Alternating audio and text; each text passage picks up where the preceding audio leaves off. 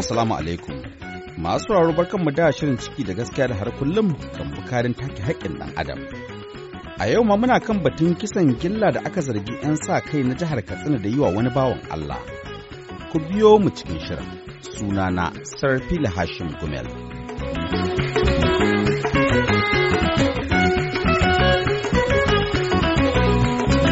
A shirinmu da ya gabata mun ji ɗaya daga cikin 'ya'yan wani bawan Allah mai suna Bello Sabon Dawa Zakka da 'yan sa kai na jihar Katsina suka kama shi kuma suka zartar masa da hukuncin kisa, wa'yanda suka nemi shirin ya bi kadin jinin mahaifinsu.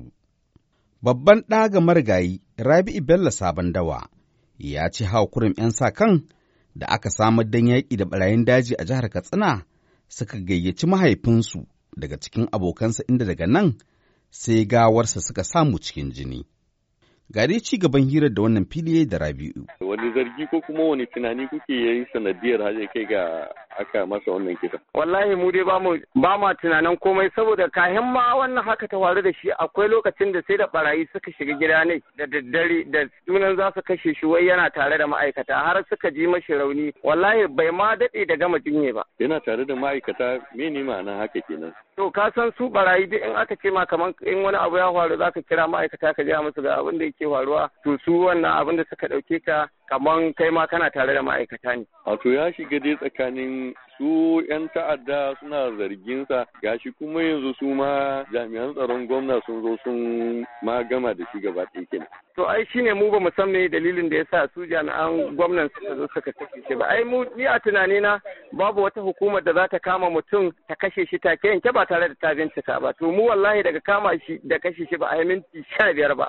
A yanda ake ba mu labari saboda ni ina gida kawai abin ya faru. Ba a je gaban kotu ba ba a ɗauki kowane mataki ba kawai sai dai ji ku kai kawai an kashe shi. Wallahi babu wata kotu to ai muna yanzu ran kai daɗe ina misali in amma abu ma ina zaka je ka kai shari'a tunda waɗannan mutanen yanzu sun kama ka minti talatin ba a yi babba a zo aka kira yan uwanka ko mai unguwarka ba a kira mai unguwarka ba ba a kira yan ƙauyen ku ba kawai cikin dare an kama mutum an kashe shi wurin wa zaka je.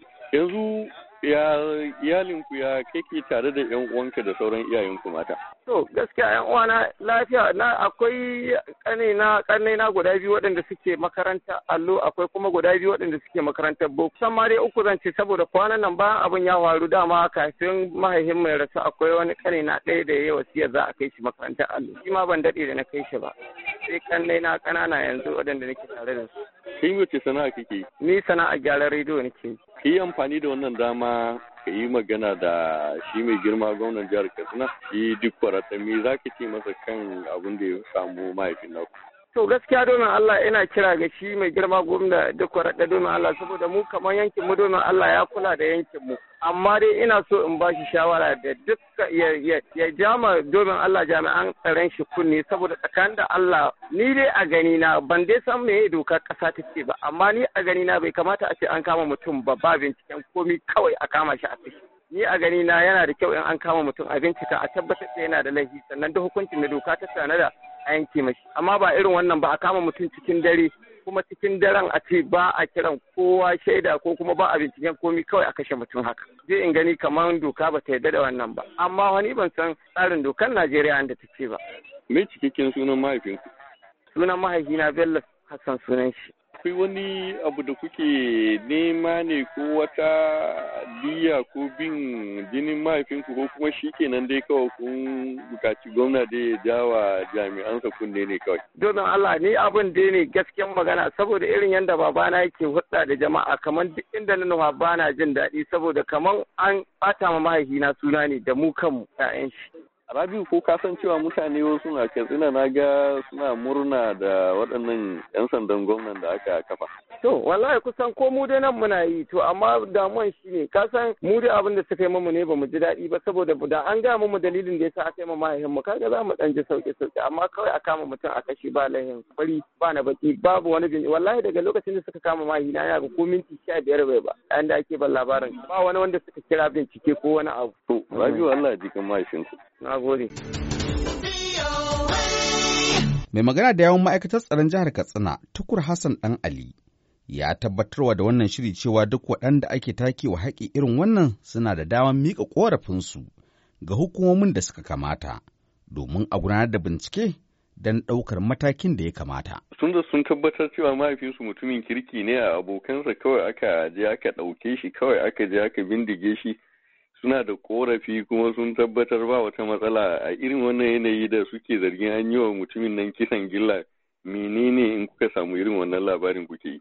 To, eh wannan za a bincika in an tabbatar da cewa ainihin kisan gilla ɗin ne na babu gaira babu dalili, to ai dama shi kan jami'an tsaro in ta kama a ran shi ma kan shi yana zo a kan shi a yi abin da ya dace. Amma dai aikace-aikacen da su ainihin wani security wasu suke yi bisa abin da muka sani. Al'ummar jihar Katsina su yi mahajin da aikace-aikacen su domin ayyukan nasu suna ƙara taimakawa wajen ƙoƙarin da ake na wanzar da ainihin zaman lafiya a cikin al'umma.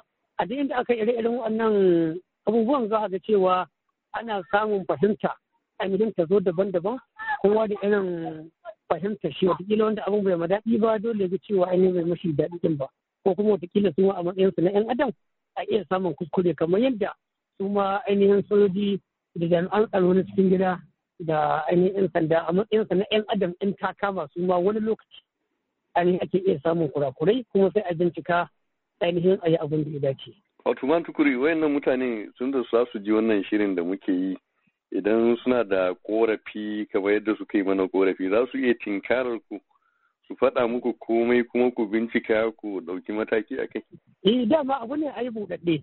Tunda wannan jami'ai gwamnati ta san da zaman su suna yin aiki ne don gwamnati kuma al'umma ta san da zaman su kuma suna yin aiki ne don al'umma. to wanda yake ganin cewa ne akwai korafi ko akwai wasu kurakure a gare su daga ɓangaren su abu ne mai sauƙi yana iya tunkare ainihin hukumomin da suka dace ko ya tunkari ma'aikatar tsaro ainihin dangas da wannan koke nashi ko a rubuce ko a ko da baki ko ainihin jami'an shugabannin ƙananan hukumomin da abin ya shafa ko kuma ainihin su ma kansu suna da kwamandoji a kowace lokacin kuma akwai babban kwamanda nasu na jiha dai ire-iren waɗannan ƙorafin mukan saurare su. Masanin harkokin tsaro kuma Fulatani da ya taɓa fuskantar irin wannan cin zarafi da ake wa Fulani ba tare da gudanar da bincike ba.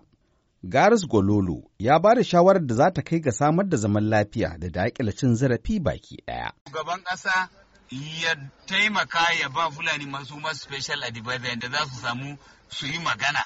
ya sani suna nan kuma a san cewar in an yi musu za a faɗa. Ba wai kawai a kashe su su ba a faɗa ba in kuma an yi wani abu kuma a ce su ne suka je suka kashe mutane. Ya kamata in wani abu ya faru a faɗa kuma yan jarida ma su daina rubuta kilas fulanis.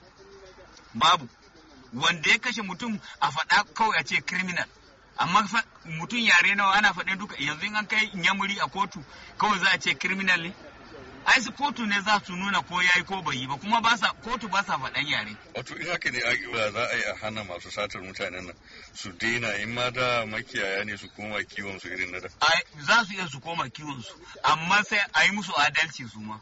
A yi musu adalci a mayar da su su ma kamar 'yan ƙasa ne. Ba wai su a zubar da su ba a banza ba su ba 'yan ƙasa ba kuma in su yi magana a ja a kashe su sun zo kasuwa kuma a bi a kashe a bi an ga yaran ɗan ƙarami ma a kashe shi ya ya ka ga abu zai shiru. akwai dai hanyoyi da za a bi a iya magance abun gaba ɗaya kenan. hanyoyin da za a bi a magance wannan abu ɗin kowa a bashi yancinsa a kira mutanen nan a zauna da kowa da kowa in inyamuri ne yan hypop din da in waye ne a kira su a zauna da su. Kashe mutane da ake yanzu a east din akwai wani amfani a cikin sa ne? Ba da wani amfani. A kira kowa a zauna da su a yi magana da su me suke so kuma me aka yi musu a san matsayin su in ba haka ba abun zai dinga ba mu wahala ne kawai. Bayan da zaka ce kai ba fulatani ne kuma baka hada da bahaushe ba ko kuma yan uwanka ba su faɗa da bahaushe ba zai yi ba. Ka gani kamar ni ba fulata amma ina da yaya wanda suke aure yanzu hausa wajen su guda biyu. Ni zan ce ban haɗu da hausa ba kuma. yaya na ciki na guda biyu suna aure hausa. Kaga kuwa sai ina tare da hausawan ke to bayan da za a yi kawai a ce mutum shi kaɗai kawai wai yaren su wannan yaren daban wannan yare daban. Bahaushe da bafulatani ɗaya ne. In muka zo kuma suka zuga wannan suka zuga wannan to zai kawo muna matsala wanda ka dama suna so su raba kawunan mu so ya kamata mu nutsu mu san abu da muke yi